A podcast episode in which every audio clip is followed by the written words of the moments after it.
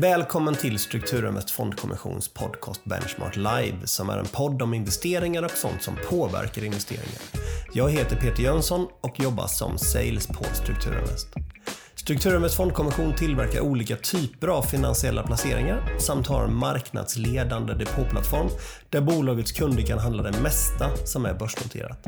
Strukturinvest har idag cirka 16 000 kunder som tillsammans har ungefär 17 miljarder kronor på sina depåer hos bolaget. Så, välkommen till avsnitt 10 av Benchmark Live som idag har besök i form av Maria Landeborn som då är sparekonom och senior strateg på Danske Bank. Och vi kommer under den kommande timmen gå igenom de stora frågorna som påverkar investeringar och idag såklart handlar väldigt mycket om coronaviruset och dess effekter. Men vi kommer även beröra en hel del annat av intresse. Och trots då att vi idag spelar in detta via länk så säger jag välkommen hit till dig Maria. Hur mår du i dessa tider? Ja, tack så mycket. Och eh, jag mår lyckligtvis bra. Jag är frisk. Kanske att jag börjar ledsna lite grann på att sitta hemma vecka fem eller sex eller vad det kan bli. Eh, men eh, det är ju för en god sak, får man tänka på. Eh, ja. Och man får i alla fall sitta och prata med folk och det är ju väldigt trevligt. Ja, men man pratar väldigt mycket i telefon och kör mycket videosamtal nu som man kanske inte varit så van vid tidigare. Nej, precis. Och ibland känns det som hela dagen går åt till oändliga Skype-möten. Så ja. det, det, är inte asocialt så. Nej, Men att sitta inte. hemma vid, vid köksbordet är ju inte, det är inte jättekul i längden, tycker Nej. jag faktiskt. Nej. Nej, jag håller med dig. Men du är idag sparekonom och strateg då på Danske Bank. Eh, skulle du kunna berätta lite om din bakgrund och eh, hur din vardag ser ut på Danske Bank? Det kan jag göra. Och eh, vad gäller bakgrunden då, så jag är ju finansekonom i grunden och ehm, läste på Stockholms universitet för skrämmande länge sedan, gick ut 2005 var det väl.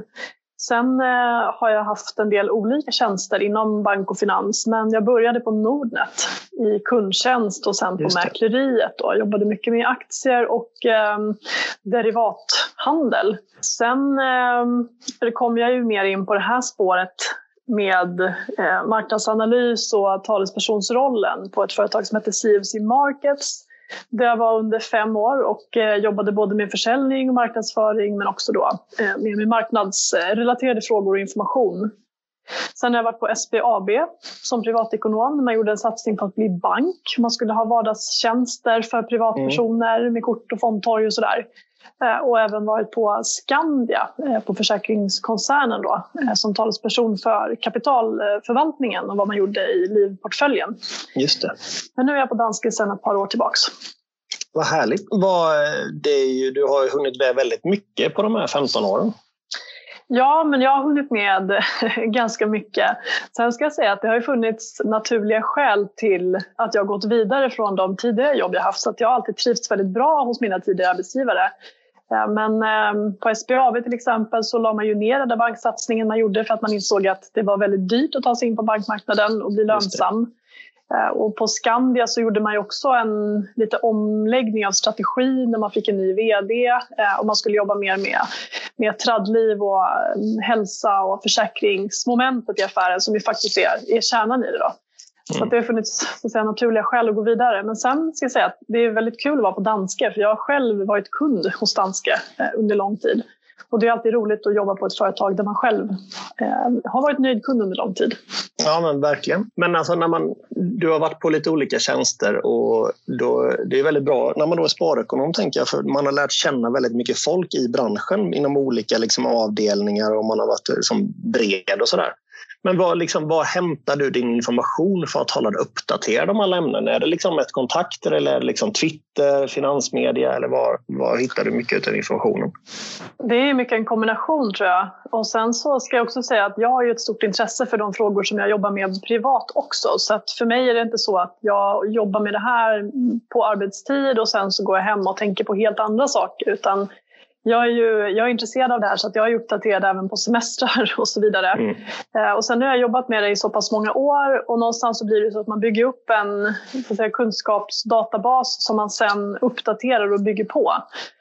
Men eh, dels är det ju förstås kontakter. Sen så har ju Danske en stor analysavdelning med allt från makroanalys, valuta, ränte, kreditanalys, Så det finns ju otroligt mycket information att hämta internt eh, och den läser jag förstås mycket av. Sen har vi mm. tillgång till andra analyser som vi köper in. Men jag läser ju mycket, mycket finansmedier, både svensk och utländsk. Och sen så tror jag att en förmåga som man bygger upp och som man måste ha i det här jobbet, det är att man kan ta in rätt mycket info snabbt och koka ner till vad som är viktigt. Så man kan inte mm. fokusera på allt, utan det gäller att Eh, kunna skapa sig en helhetsbild, eh, se vad som är viktigt, sammanfatta det kort. Och det är, det är mycket det som min tjänst går ut på kan man väl säga då. Sen sitter jag också i team där vi är 8-10 personer, eh, där vissa jobbar nästan uteslutande med att ta fram underlag och analys till allokering och till vår strategi. Vi har strategimöten varje vecka där vi går igenom eh, allokeringen och hur vi ser på marknaden, vad som har förändrats och det allmänna läget. Så att, eh, det finns många källor till information. Mm. Någonting jag tycker du är väldigt bra på efter att ha lyssnat på dig i olika medier och sånt är ju att prata så att liksom vanliga människor förstår. För oftast när man liksom läser olika analyser från, från analytiker så är det ju svåra grafer och svåra ord. Mm. Ehm, Medan det känns som att du gör det där väldigt bra tycker jag. Tack, vad kul att höra. Och det är det jag tycker är kul också. Alltså att kunna läsa svåra saker, ta till sig någonting som egentligen är ganska avancerat men sen just att kunna koka ner det till någonting som alla kan begripa eh, mer eller mindre och förklara det. Det är det jag tycker är kul. Så jag, även om jag är ekonom i grunden och jobbar väldigt mycket med liksom, de finansiella marknaderna och makroekonomin och så vidare så skulle jag vilja säga att så en lika stor del av mitt jobb det är ju just kommunikationen. Och kunna prata så att folk förstår eh, hur man kan tänka utifrån det som händer i världen. Hur ska man tänka med sitt sparande? Och både kunna göra det i en tidning där man pratar med en väldigt bred publik eller med olika typer av kunder internt när vi har träffar. Eh, så att, eh, Ja, jag ska säga tack. Och, eh, det, det, är en stor del av mitt jobb, just kommunikationen. Eh, och jag tycker mm. att den är väldigt rolig. Jag har alltid gillat att skriva och läsa och uttrycka mig. Och det får jag utlopp för här också. Mm, det är bra. Eh, väldigt mycket har ju hänt eh, de sista veckorna. Och förutom då att människor runt om på jorden blir sjuka och, och till och med eh, dör av den här corona, det här coronaviruset så har ju också viruset slagit undan benen på ekonomin väldigt fort. Det är väl mm. nästan den snabbaste nedgången på, ja, jag vet inte hur många år, men det är extremt många år i alla fall. Men hur ja. ser du, liksom, om man bara börjar från fågelperspektivet på de sista veckornas utveckling? Ja, vi är ju i en situation som vi aldrig har skådat tidigare och eh, man kan väl säga att förutsättningarna förändrades väldigt snabbt i och med corona. Vi kom ju från ett 2019 där det fanns en oro för lågkonjunktur till följd av handelskriget. Men det var ju en lågkonjunktur som i så fall smög sig på mer till följd av handelshinder och, och konflikter och osäkerhet. Sen när vi gick in i 2020 så ehm, såg framtiden ljus ut. Många konjunkturindikatorer pekade uppåt. Marknaden var optimistisk, börsen var ganska högt värderad men det berodde ju på just att det fanns en framtidstro och att USA och Kina hade närmat sig den här handelskonflikten med mera.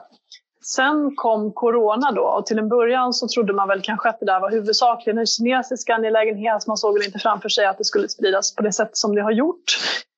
Ehm, men när det väl började spridas på allvar i länder runt om i Europa så insåg man ju att det här är ingenting som någon kommer komma undan. Och det gick väldigt fort för människor att bli rädda, börja ändra sina beteendemönster, men också för myndigheterna att agera med karantän och nedstängning. Mm. Så att vi har ju fått en otroligt brant inbromsning. Nästan så att vi gick från ett läge där vi var på väg att accelerera upp mot 100 till noll. Och det är en lågkonjunktur som har beordrats av myndigheterna mer eller mindre. Vi har aldrig varit med om någonting liknande tidigare. Så det är väldigt svårt att förhålla sig till det här tycker jag. Um, sen är det ju en avvägning som är otroligt svår. Att man ska försöka minimera skadan både genom att rädda enskilda individer, utsatta grupper men också minimera skadan på ekonomin vilket såklart är jättesvårt när man i princip förbjuder folk att gå ut.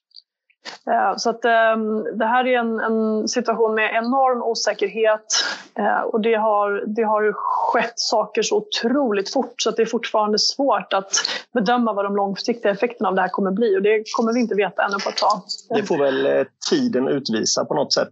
Men Sverige har ju ändå varit ganska liberal i sin, i sin liksom aggressivitet när det gäller nedstängning och olika åtgärder. Jag personligen tycker att Sverige hanterar det väldigt, väldigt bra.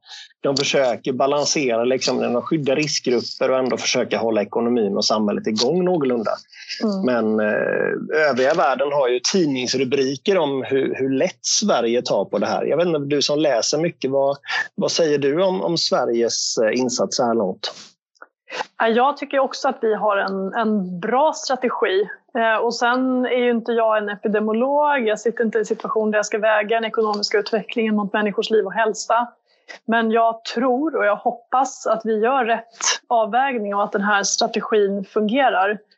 Eh, och det finns ju, tror jag, fördelar med den. Alltså vår, ekonomi, vår ekonomi kommer ta mindre skada än många andra tack vare att den här strategin ser ut att fungera.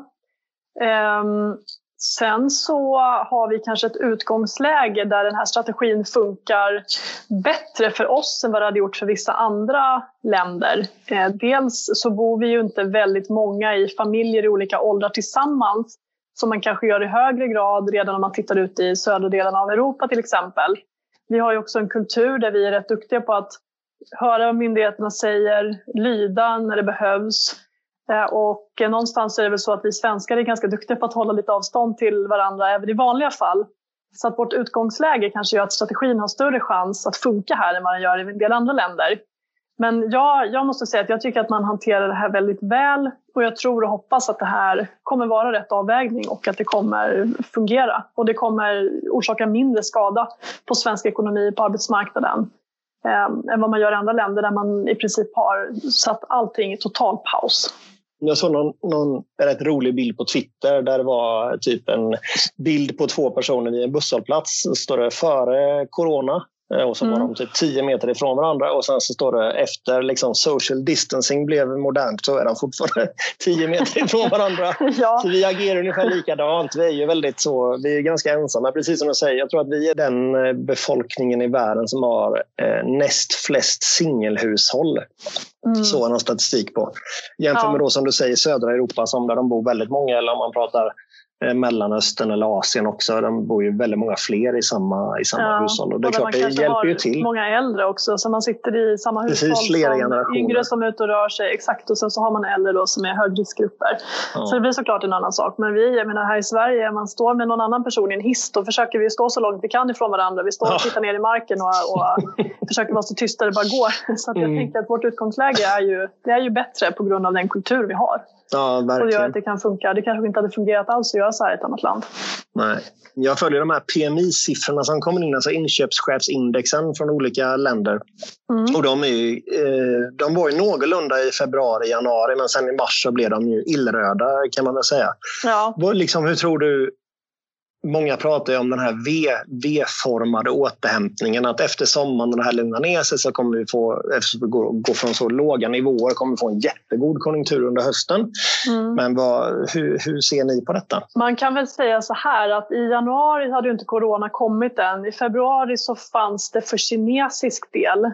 Um, så att i februari så hade vi en, en dykning i kinesisk PMI och i mm. mars då så började det här synas i andra delar av världen i högre utsträckning.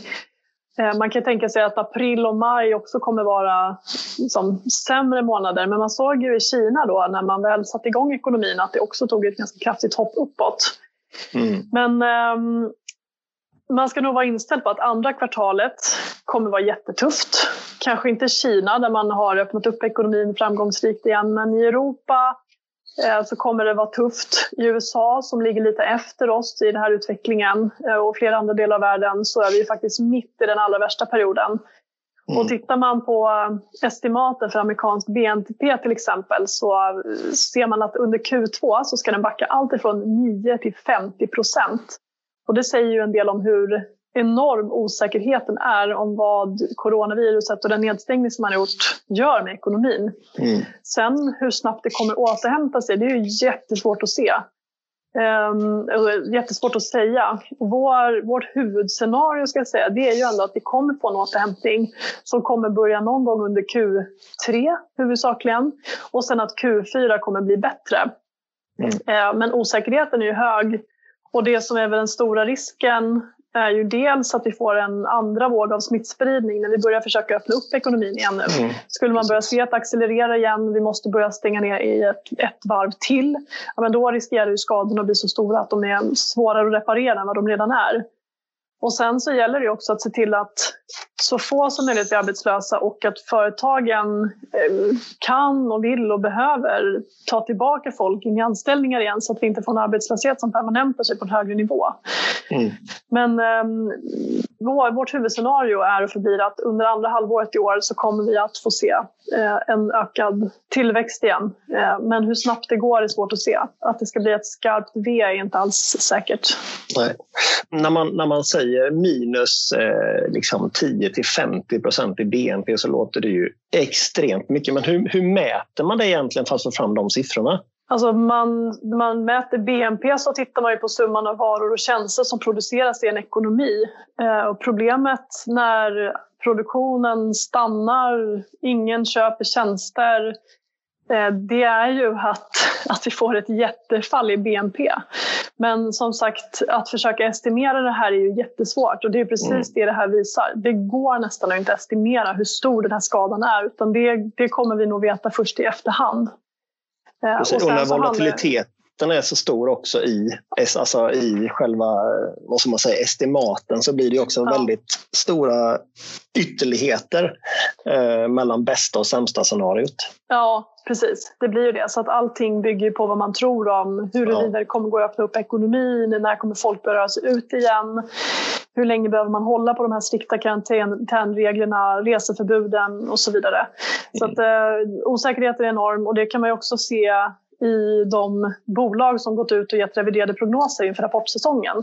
Man har sagt till exempel att eh, man skruvar ner de, de, finansiella prognoserna för omsättning och vinst och så vidare. Men man har haft väldigt svårt att kvantifiera vad man väntar sig istället.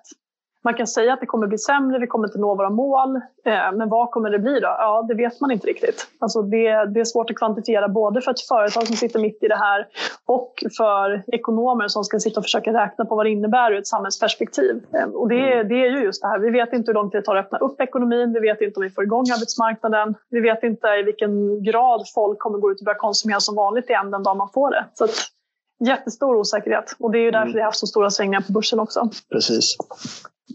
Några som verkligen har varit på tårna det är ju dock riksbanker och politiker mm. eh, som har sjösatt enorma stödpaket för att mildra de här effekterna av de nedstängningarna som politikerna egentligen själva har, har beslutat om. Tycker du liksom att politikerna har skött sig och det är även riksbankscheferna och tror att det kommer behövas mer för att vända den här skutan? Till att börja med så tycker jag att man har varit snabb att agera och min bild är ju att man är villig att gå väldigt, väldigt långt för att sätta in åtgärder där det som mest behövs. Man vill göra i princip vad som helst för att se till att inte fler bolag går omkull än nödvändigt och för att se till att så få personer som möjligt blir arbetslösa. Och sen också se till att folk håller modet uppe om man nu blir varslad eller arbetslös genom att stärka skyddet vid arbetslöshet och så vidare. Och en anledning till att man agerar så här snabbt det är ju precis som du säger att myndigheterna själva har ju någonstans beordrat den här lågkonjunkturen genom mm. att stoppa folk från att resa, genom att hindra människor från att gå ut och att konsekvenserna blir nästan oöverblickbara är ju inte konstigt. Då måste man också göra vad man kan för att, för att ge ett ekonomiskt stöd och se till att vi inte hamnar i någon långvarig depression och det, det tycker jag att man har gjort. Och jämför man med 2007 då, när finanskrisen började, så tog det väldigt lång tid innan myndigheter, innan centralbanker fattade allvaret i det här. Så att mm. det dröjde innan man satte in åtgärder. Men så har det ju inte varit nu. Eh, det har gått fort för politikerna att fatta situationens allvar och man har inte darrat på manschetten när man agerar. Så att vi, jag tror att det kommer fortsätta komma åtgärder löpande trots att vi redan fått väldigt mycket. Eh, och eh, det är nog fullt möjligt att vi får mer stöd både från centralbankshåll och från, från myndighetshåll. Det är svårt att utesluta någonting i det här läget. Ja, verkligen. Och de känns ju som sagt var väldigt aktiva och väldigt eh, på bollen om man uttrycker sig i en sportterm.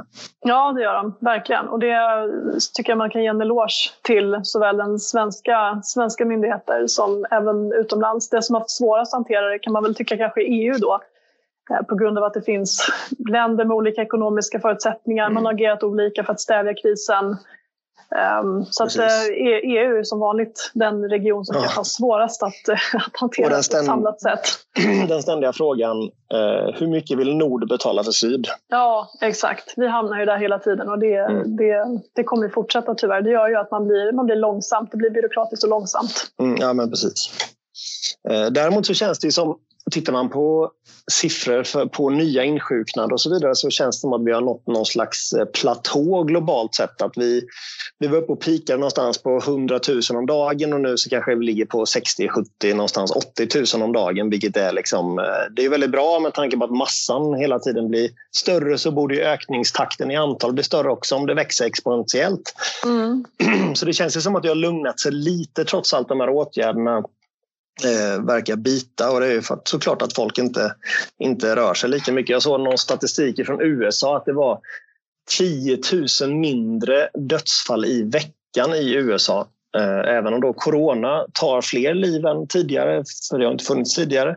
Mm. Så eftersom alla sitter hemma så är det ingen som är ute på krogen och liksom, eh, gör dumheter. Det är ingen som kör onykter. Det är knappt någon som kör bil. Så mm. dödsfallen i många andra avseenden minskar ju samtidigt också. Ja, Precis, att, och det, eh, det blir ju många, många intressanta effekter av det här. Eh, och ja, även när man tittar ur ett miljöperspektiv också så ser man att vattnet är renare, smogen mm. ligger inte tät över storstäderna.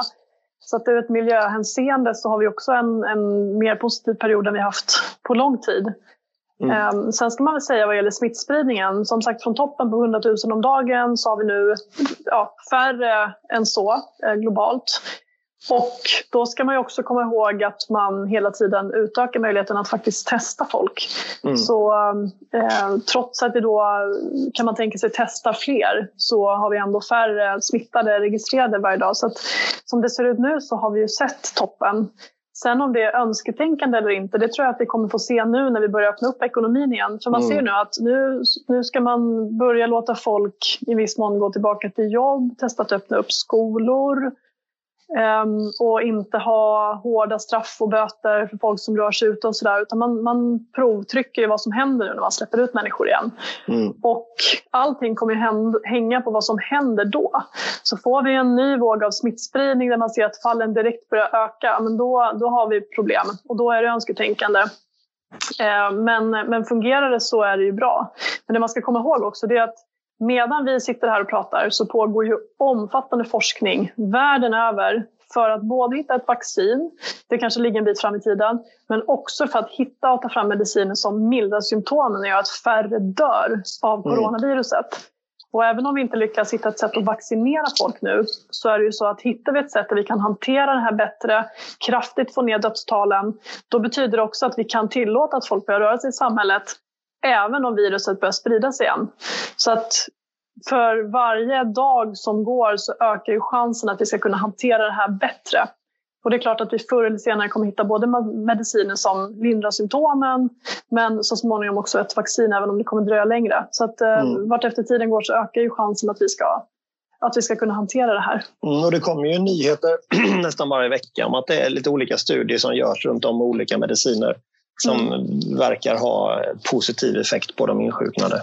Ja, precis. Och det, det, som sagt, det, forskningen pågår ju hela tiden. Man kommer ju göra mm. allt för att hitta någonting som, som Det finns ju förmodligen en rätt stor eh, skattkista på andra sidan av den här forskningen om man lyckas. Exakt, det gör ju det. Eh, och det, det är härligt med marknadsekonomi trots allt. Ja, någonstans så fyller det förstås en funktion. Det ekonomiska incitamentet ska inte underskattas. Ja, men precis.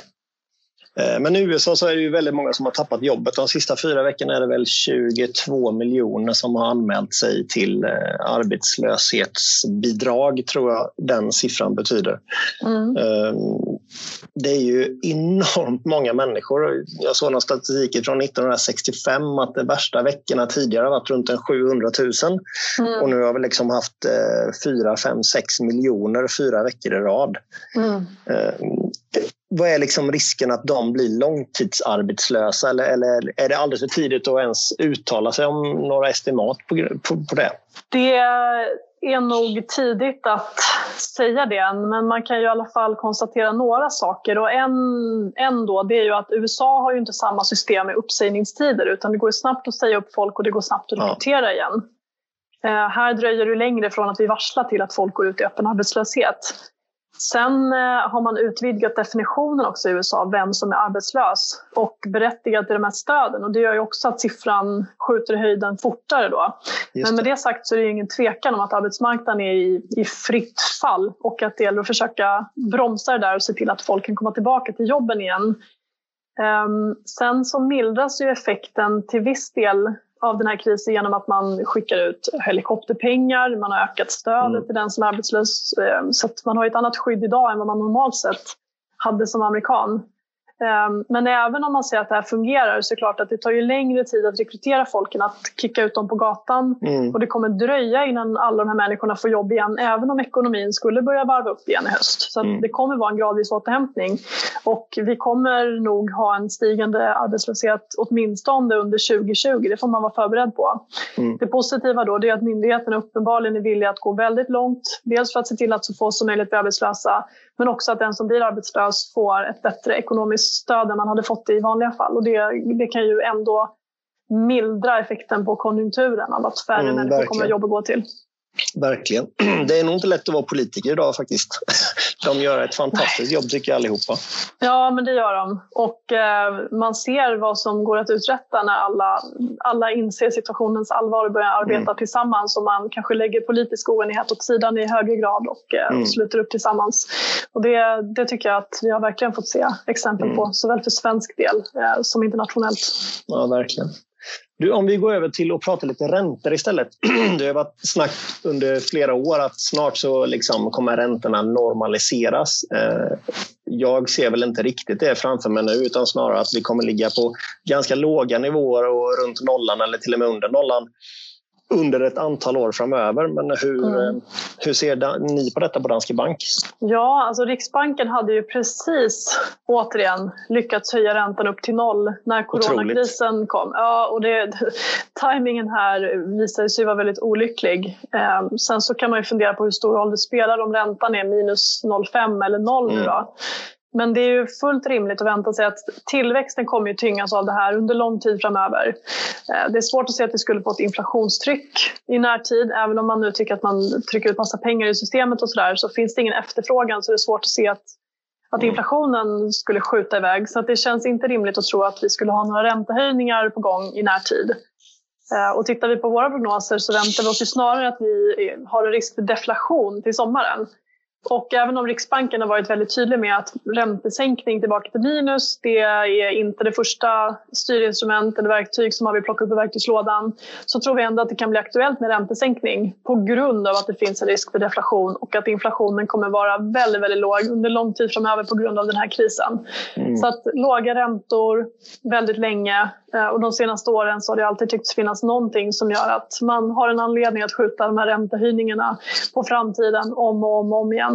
Men eh, vi, vi kommer befinna oss i den här lågräntemiljön såväl för svensk del som för europeisk del och nu också då för amerikansk del där man också gått tillbaka till, till noll. Då. Mm. Eh, så det, får man nog, eh, det kan man vara inställd på, tror jag. Ja, det, det tror nog jag också. Eh, och en annan sak när vi pratar om räntor det är ju eh, de här räntefonderna har det varit väldigt mycket snack om sista tiden i media. Många fonder har stängt för uttag och alla fonder har öppnat igen. Men vad in, alltså, varför stänger en fond för uttag? Vad, liksom, vad handlar det här om egentligen? Problemet här det var ju att likviditeten helt försvann från marknaden. När vi gick in i den här krisen så blev ju osäkerheten enorm om hur många bolag kommer överhuvudtaget att överleva den här krisen. Ingen vågar ju köpa en obligation utställd av ett företag som man misstänker eh, kan gå i konkurs. Mm. Och det gjorde att på kreditmarknaden så eh, fanns det plötsligt inga köpare överhuvudtaget eller på otroligt låga nivåer plötsligt. Framförallt om man tittar på eh, high yield-segmentet, alltså obligationer med sämre kreditkvalitet. Då. Men det drabbade ju egentligen hela marknaden så även de högre kreditsegmenten fick ju problem då. Men i grund och botten så handlar det här läget om att man skulle se till kollektivets bästa då. För att det som händer är att några ser ju den här krisen snabbare än andra och ofta handlar det om de mer professionella, de aktiva investerarna som kanske då går in och vill sälja av sitt innehav fort som 17. Mm. Och problemet då när det inte finns någon likviditet på marknaden det är att fondförvaltaren som då måste sälja någonting för att kunna betala ut de här pengarna till den som säljer Man kan bara sälja de papper som har högst kreditkvalitet, för de finns det fortfarande en köpare på.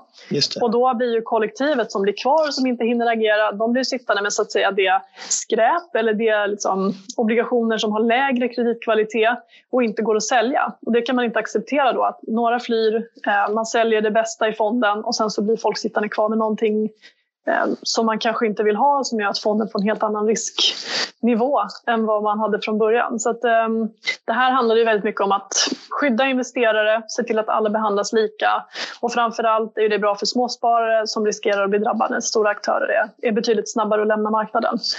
Um, jag kan väl tycka att ur mitt perspektiv så är det viktigt att man värnar gruppen av sparare även om det innebär att man inte kunde sälja under en eller ett par veckor.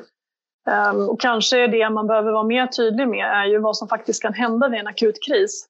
Och nu var det ganska länge sedan vi hade en sån. Det var ju under finanskrisen. Men minnet är kort. Man har lättare att komma ihåg det som hänt i närtid. Ehm, så att ehm, man behöver nog vara tydligare med att informera om vad det här är för typ av fonder och vad som kan hända om vi får en kris det är att ha en, eh, en företagsobligationsfond och speciellt inte en med liksom, ganska stor blandning av olika typer av eh, obligationer med olika kreditkvalitet. Det är inget alternativ till sparkontot. Det är inget du kan spara kortsiktigt i och vara garanterad att få tillbaka pengarna plus lite positiv avkastning. Och det tror jag man måste tydliggöra och det där hade lite glömts bort nu efter tio goda år. Mm. Det känns kanske som att man också mäter risken på fel sätt. För många av de här fonderna som har gått ner 10, 12, 13 procent på bara några veckor hade ju ett och två risknivå vilket liksom inte riktigt ska kunna hända om man har den typen av risknivå.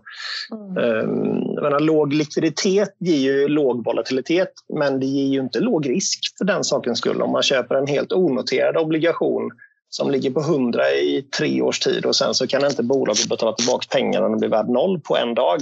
Mm. Då har man ju noll risk enligt volatilitetsmåttet sett i tre år och sen har man all risk på en sekund. Mm. Nej, precis. Och det där är ju faktiskt, ska jag börja med att säga, ursprungligen ett direktiv som kommer från EU-nivå om hur man ska mäta risk på ett gemensamt sätt i ja, räntefonder så att det ska bli jämförbart. Så det är ju egentligen inte varken fondbolagens eller då till exempel Morningstars fel. Även om då, Morningstar då är en plattform som många använder för att jämföra och hitta mm. fonder. Det, det, är klart att det här riskmåttet har ju någonstans eh, hjälpt till att bygga upp att det här kan hända. Men då är, är jag kanske inte den som är bäst lämpad att bedöma vad, vad vi skulle ha för riskmått istället som bättre ska spegla det här. Men jag tror återigen att det handlar ju om information till spararna, att produkter inte marknadsförs på fel sätt mm. utan att man är noggrann med att framhäva och visa vilka risker som faktiskt finns. Det här är inget alternativ till, liksom ränte, till ett sparkonto med ränta på. Så att mycket, ja, mycket handlar om att tydligt informera så att spararna mm. förstår vad de köper och man inte eh, i god tro köper någonting och tror att det alltid kommer behålla värdet. Ja men verkligen. Jag såg någon av utav de här, vi ska inte nämna några namn, men någon av de här fond, fondmänniskorna eh, skrev att eh, våra bolag eh, har inga problem utan det är marknaden som värderar deras obligationer helt felaktigt. Ja. Eh, jag tycker det är på personlig liksom plan tycker jag att det är ganska konstigt att skriva så. För om jag vill sälja min, min bil för 100 000 kronor och jag bara får 70 000 för den då har jag svårt att tycka att det är fel på marknaden. Det är väl förmodligen så att jag hade satt fel pris i sådana fall. Ja, alltså ingenting är värt mer än vad marknaden är villig att betala. Nej, och det, det speglar ju precis den här också. enorma osäkerheten. Man vet ju inte var det här kommer sluta och hur hårt bolagen kommer drabbas i slutändan. Så att eh, även om man tycker att de krediter och obligationer man sitter på är mycket mer värda och ingen vill betala det, alltså tough luck, alltså då ja. får man ju acceptera det. Men i sådana fall borde man ju sälja aktier, alltså borde man ju stänga aktiefonder och sånt också med tanke på att nu har de gått ner 30 procent av bolaget tycker vi är värt 200 procent mer än vad det är just nu. Ja, och det är ju inte så marknaden fungerar. Varken, nej, varken marknaden ska ju vara öppen. Liksom. Ja, det ska och så får folk byta värdepapperna till det priset de kommer överens om. Ja, exakt. Sen är väl grejen att i räntefonder då så blir ju tidsperspektivet väldigt viktigt. Just det mm. att man inte kan vara alltför kortsiktig i den här typen av räntefonder. För det man ser nu är ju ändå att likviditeten på marknaden börjar fungera igen och man börjar kunna kvantifiera den här krisen, ja men då, då börjar man kunna värdera obligationer kanske mer korrekt. Eh, det kommer mm. finnas förvaltare, duktiga ränteförvaltare som kan hitta obligationer som faktiskt är felprissatta, mm, eh, företag som kommer klara sig bättre och är man då långsiktig som sparare, precis som på börsen, så man har tid att sitta igenom den här krisen. Och man har valt en fond som har obligationer med, med bra eh, kreditvärdighet i, ja då är det väl inte så otroligt att tänka sig att man kommer få en, en positiv avkastning på sina pengar. Inte om man säljer nu, men om du har kvar den i ett, två, tre år till eh, så mm. kanske avkastningen blir den du hade tänkt dig ändå. Ja, så att, återigen, det här liksom, långsiktigheten. Det är inget sparkonto att ha en sån här fond. Du måste Nej. ha ett längre tidsperspektiv än så. Ja, verkligen. Om vi går över till lite mer filosofi. Jag tycker det är väldigt spännande att riksbankerna trycker så otroligt mycket nya pengar eh, mm. för att då köpa tillgångar och rädda framförallt då företag från att gå konkurs. Eh, jag såg bara Fed i USA köper ju eh, tillgångar för ett svenskt års BNP per vecka. Så ungefär 600 miljarder dollar i veckan. Ja, det är ofattbara summor det handlar om. Alltså, är, det här, är det verkligen rätt? För så som jag är uppväxt och så som jag har lärt mig när jag läste ekonomi att liksom när man, om man tar mycket risk så ska det löna sig om man gör liksom rätt saker och sen då den här risken övergår till en risk på andra sidan. Det vill säga att man förlorar pengar i dåliga tider. Under finanskrisen för 12-13 år sedan nu så pratade de väldigt mycket om det här som kallades moral hazard. Liksom, att man måste, man måste kunna stå för sina handlingar egentligen. Mm. Eh, men nu känns det som att på uppsidan så får eh, liksom företagaren och aktieägarna och obligationsägarna väldigt mycket avkastning. Och sen när det börjar gå dåligt då går Riksbanken in och räddar de här liksom, ägarna till de här tillgångarna så att de inte behöver ta förlusten. Mm. Eh, det är en krånglig och filosofisk fråga man kan prata mm. om flera veckor. Men liksom, ja. hur känner du kring detta? Ja, men jag tycker att det finns en skillnad nu det är ju att den här gången så handlar det om ett, ett virus som har brutit ut som egentligen, om, man, om någon kan rå för att det här viruset har börjat spridas kan man diskutera förstås. Men det handlar om ett virus som faktiskt gör att, att medborgare dör. Det är ingen som har skott sig på det här viruset på något sätt utan det här handlar om att, att rädda befolkningen, se till att inte utsatta grupper drabbas hårdare än nödvändigt. Eh, och ehm, utifrån det perspektivet så kan jag ändå tycka att det finns en större poäng med att gå in med de här åtgärderna och stötta företag eh, och sådär eftersom det någonstans är myndigheterna som har sett mm. till att den här krisen har blivit verklighet. Och tittar man tillbaka på finanskrisen till exempel då fanns ju aspekten att vi hade en finanssektor, eh, banker, investmentbanker där man hade varit väldigt oförsiktig med hur man paketerade produkter, sålde produkter, tjänade väldigt mycket pengar på finansiella produkter som sen i slutändan orsakade väldigt många människor stora förluster eh, och faktiskt fick hela banksystemet i gungning. Så att det fanns banker och människor som hade levt väldigt, väldigt gott på att paketera de här produkterna eh, och få det att framstå som någonting som det inte var. Så det fanns ju en aspekt av, av girighet. Och eh, då tycker jag att frågan, den moraliska frågan, om det var rätt och riktigt att rädda de här bankerna och i slutändan folk som tjänat pengar på något som visade sig vara en, en liksom stor finansiell bubbla med utgångspunkt i den amerikanska bostadsmarknaden. Det, det är mer, mer tveksamt och tål att diskutera betydligt mer. Eh, så det läge vi befinner oss nu är ett annat. Det är en kris beordrad av myndigheter för att praktiskt taget rädda livet på medborgare. Och då är det en helt annan sak att gå in med stöd, tycker jag. Eh, mm. Så att mer, jag mer motiverat. Jag har inte tänkt på det tidigare på det sättet, men eh, det du säger makes sense. Vilken tur! Ja, kul att vi är överens. Ja, eh, ja men, men, det är en väldigt då, intressant fråga. Ja, men ver, verkligen. Men hur mycket pengar kan en riksbank trycka? Alltså finns det någon begränsning för hur mycket man kan trycka? För det har ju provats. Tryck, menar, Venezuela, Argentina och så vidare också tryckt pengar. Och det har väl gått sådär till slut. Men mm. liksom, ja, vad ska man säga om det? Alltså det är väl både ja och nej. Eh, tittar man på Fed till exempel, den amerikanska centralbanken, så har man ju inte satt någon övre gräns för hur stora belopp man kan köpa obligationer för. Eh, men sen är det ju ändå så att utbudet av obligationer är ju faktiskt inte oändligt, i alla fall inte på alla marknader. Just vad gäller Fed då, som till exempel köper amerikanska statsobligationer, det är ju världens största marknad så att där finns det ju väldigt mycket eh, att köpa. Plus att den mm. amerikanska staten kommer behöva emittera massor av obligationer för att finansiera underskotten. Just det. Eh, så där kan man köpa väldigt mycket. Men tittar man på mindre marknader, inklusive den svenska, så blir ju resultatet att centralbanken blir sittande med en väldigt hög andel av statsobligationer till att börja med. Men när man börjar gå ut på kreditmarknaden så blir man också storägare i många eh, krediter och mm. den typen av företagsobligationer. Då. Och det där får man väl se, eh, liksom, hur stor marknaden är, är ju någon slags övre gräns. Ehm, men sen får ju det här också många effekter. Alltså när centralbankerna börjar bli dels sittande på på stora poster men också att man då trissar upp priset på eh, statsobligationer till exempel vilket gör att de handlas till ännu mer negativa räntor. Ja, då måste ju övriga investerare börja jaga tillgångar med högre risk för att mm. få någon avkastning överhuvudtaget. Och sen så är vi tillbaka lite i den här liksom, bubblan och TINA som vi pratat om ända sedan finanskrisen. There is no alternative. Alltså, du måste ta risk, du måste ha high yield och du måste ut på aktiemarknaden för att få någon avkastning överhuvudtaget. Mm. Ehm, så att ehm, spekulera här vart det här ska sluta är svårt att säga. Här och nu är ju mycket fokus på den ekonomiska krisen eh, och om man klarar att hantera det här utan att vi ska få en stor depression. Men jag tror att på lite sikt så kommer diskussionen återigen komma om hur stora ägare ska centralbankerna vara i, i, i både statsobligationer men också andra typer av obligationer. Vad kommer hända med all den här likviditeten? Finns det risk för, för inflation, för någon annan typ av bubbla? Eh, så att, ehm, otroligt mycket osäkerhet och många frågor som, ehm, som vi nog kommer att försöka hitta ett svar på under lång tid framöver tror jag. Mm. Ja, Japan har hållit på ganska länge med detta. De har hållit på liksom i 30-35 år. Så att eh, timingfrågan ja, när det gäller de här problemen är ju helt mm. omöjlig att svara på faktiskt. Ja, det är den.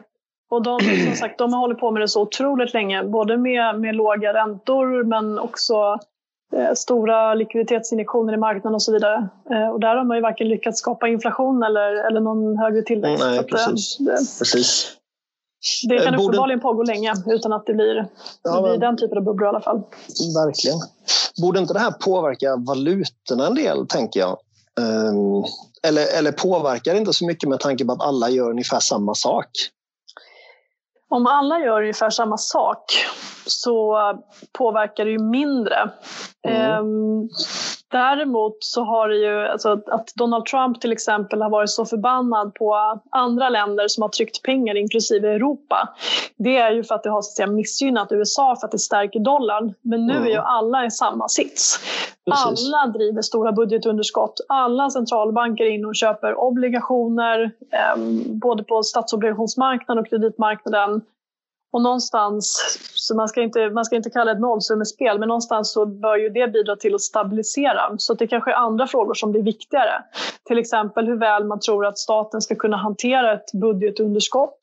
Vågar man vara ägare i små valutor med kanske negativ ränta eh, om, risken, om risken i den valutan ökar? Det brukar bli en flykt snarare till stora tillgångslag som dollar, guld, euro, yen och så vidare. Mm. Eh, så jag tror kanske att det, att det är viktigare. Men eh, just nu gör ju alla samma sak, så nu är det ingen som pratar om valutamanipulation, för då, då är alla skurkar. Ja, det är inte manipulation om alla gör det. Nej, precis. Om vi går ehm. över till lite råd till småsparare. Mm. Min erfarenhet från min tid som rådgivare och även liksom när jag träffar kunder idag så är det ju tyvärr så att de flesta vill ju lassa på mer och mer risk när allting går bra och är på topp.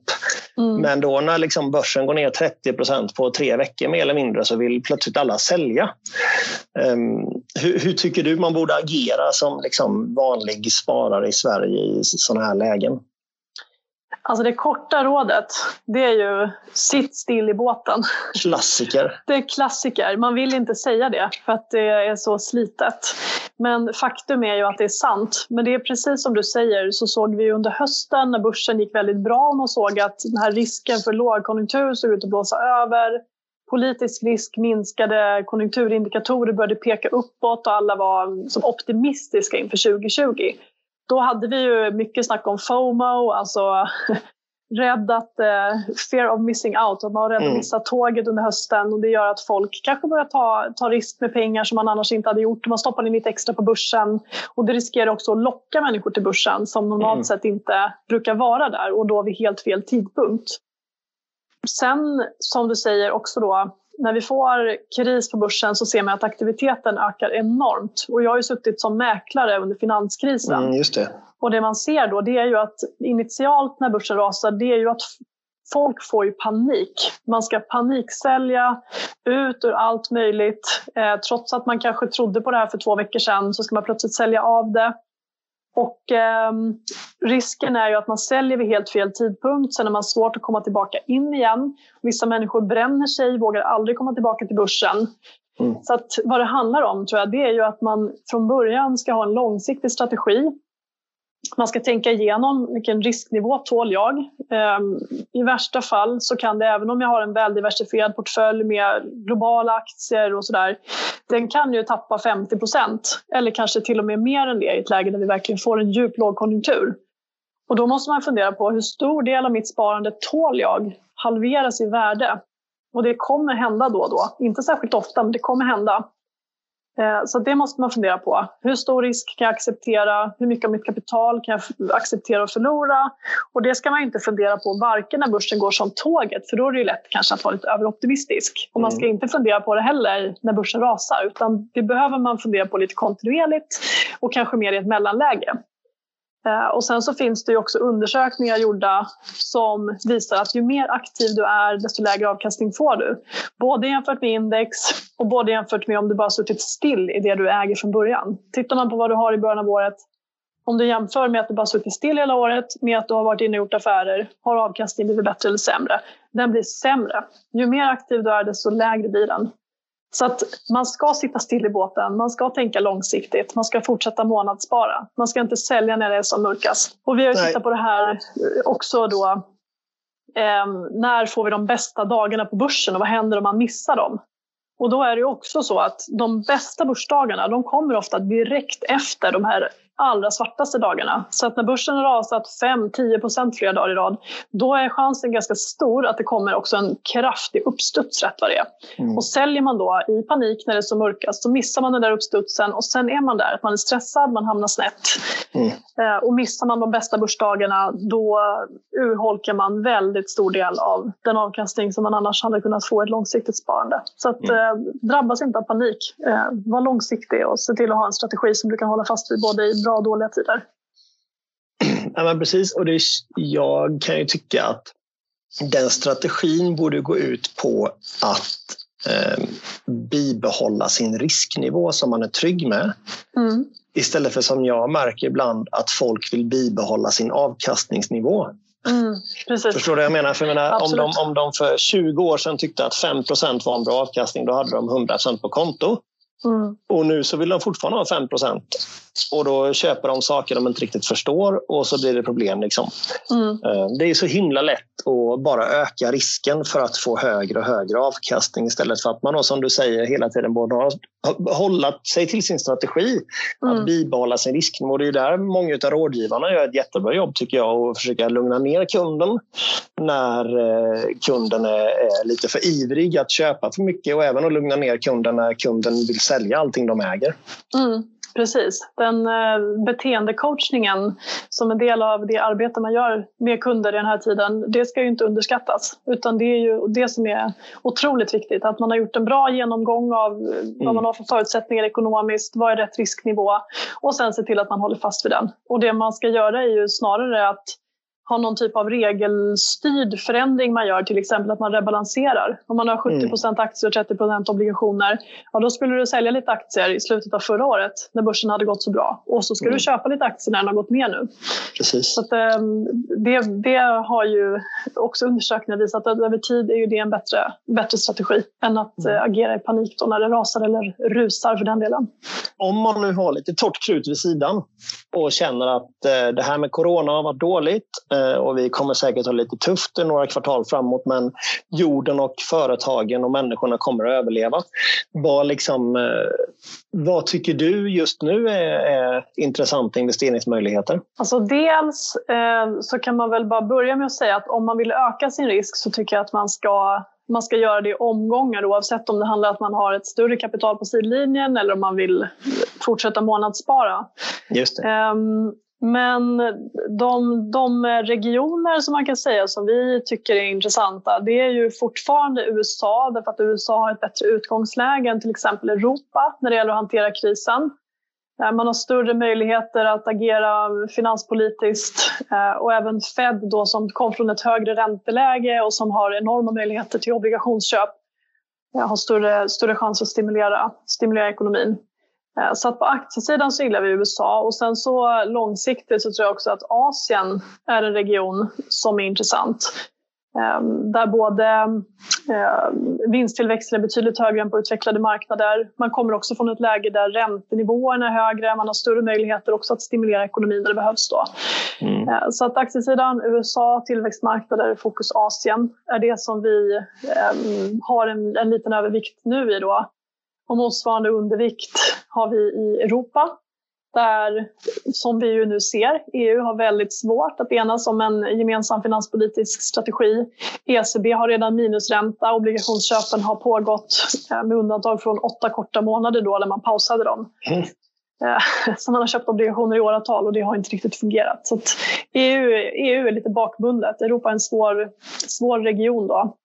Ehm, sen så på kreditsidan så gillar vi investment grade där eh, man också sett att spreaden har gått isär i den här miljön vi har varit med högre risk och eh, där många då har flytt alla typer av risktillgångar. Samtidigt så vet vi att, att många bolag i det här segmentet faktiskt är livskraftiga. Vi ser att stora statliga stöd hjälper till. Räntorna kommer vara låga under lång tid framöver. Eh, så på, på kreditsidan så tycker vi att investment grade är någonting som man kan passa på att öka sitt ägande lite i i det här läget. Mm. Så USA, Europa och eller fel, USA, Asien och investment grade egentligen då? Ja, precis. Och eh, kanske se upp mer eh, för high yield-marknaden till exempel. Eh, fortfarande då. Och, eh, och se upp även för, eller se upp, men eh, ha, ha en liten undervikt i europeiska aktier och sen även Japan då. Det är inte heller någon region som vi, som vi föredrar. Så de som har tryckt pengar längst, det är de ni eh, underviktar? Ja, eh, precis. Det är fortfarande en svag tillväxt där. Eh, man har gjort väldigt mycket för att försöka stimulera sig ur det här. Det har inte funkat något vidare. Och sen så har vi ju andra saker som eh, momshöjning eh, som redan hade gjort att den japanska ekonomin hade försvagats. Eh, så att utgångsläget i Japan var, var ingen höjdare. Vi tror att potentialen är högre i andra regioner helt enkelt. Mm. Om vi ska avsluta den här podden on a high note som det heter. Eh, mm. vad för gott kommer den här eh, ska vi kalla det krisen föra med sig framöver? Vi har redan varit inne på lite på miljön kanske. Mm. Ehm, men vad, vad, finns det mer som, eh, vad finns det mer för gott som det här kommer föra med sig framöver? Just nu så är det ju lätt att huvudsakligen se de mörka sakerna men jag tror att just eh, alltså miljöaspekten och att man kanske tänker till vad gäller både sitt resande framöver. Eh, inte bara därför att man kommer vara rädd för att bli smittad av någonting men också ur ett, ett miljöperspektiv. Att man upptäcker att det finns andra sätt att uppleva saker, andra sätt att ta kontakt med folk. Och då tänker jag också på företag där man kanske annars reser mellan olika länder, mellan olika kontor, där man ser att väldigt mycket funkar ju faktiskt väldigt bra digitalt. Mm. Men sen har vi också konsumtionsmönster och konsumtionshetsen. Nu har vi som sagt inte haft någon överkonsumtion på det sätt som vi haft ofta innan, innan tidigare lågkonjunkturer.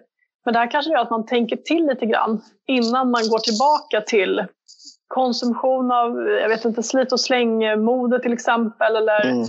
att man får ett mer hållbart tänk. Så jag tycker att det är väl det som är lättast kanske att tänka sig skulle kunna vara en positiv effekt av det här.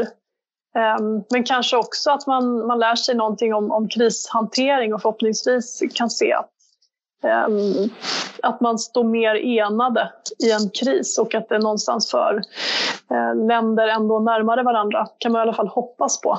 Om det blir verklighet får vi väl se. Vi får hoppas på att eh, det blir verklighet. Det känns ju som att hittills har ju de flesta ändå eh, försökt samarbeta över gränserna och politiska åsikter väldigt mycket. Så det är väl, mm. det är väl någonting att ta med sig tycker jag. Mm, absolut, det tycker jag också. Men då tackar vi dig Maria Landerborn för den tiden du lagt ner på vår lilla podd eh, och önskar dig en fortsatt trevlig vår och en trevlig sommar. Tack så mycket för att jag fick vara med och eh, tack detsamma säger jag då.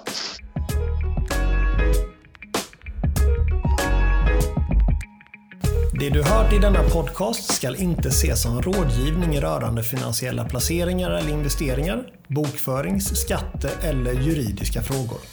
Du ska inte basera dina investeringsbeslut på det som framkommit i podcasten. Kontakta alltid din rådgivare för att bedöma om en placering eller investering är lämplig för dig.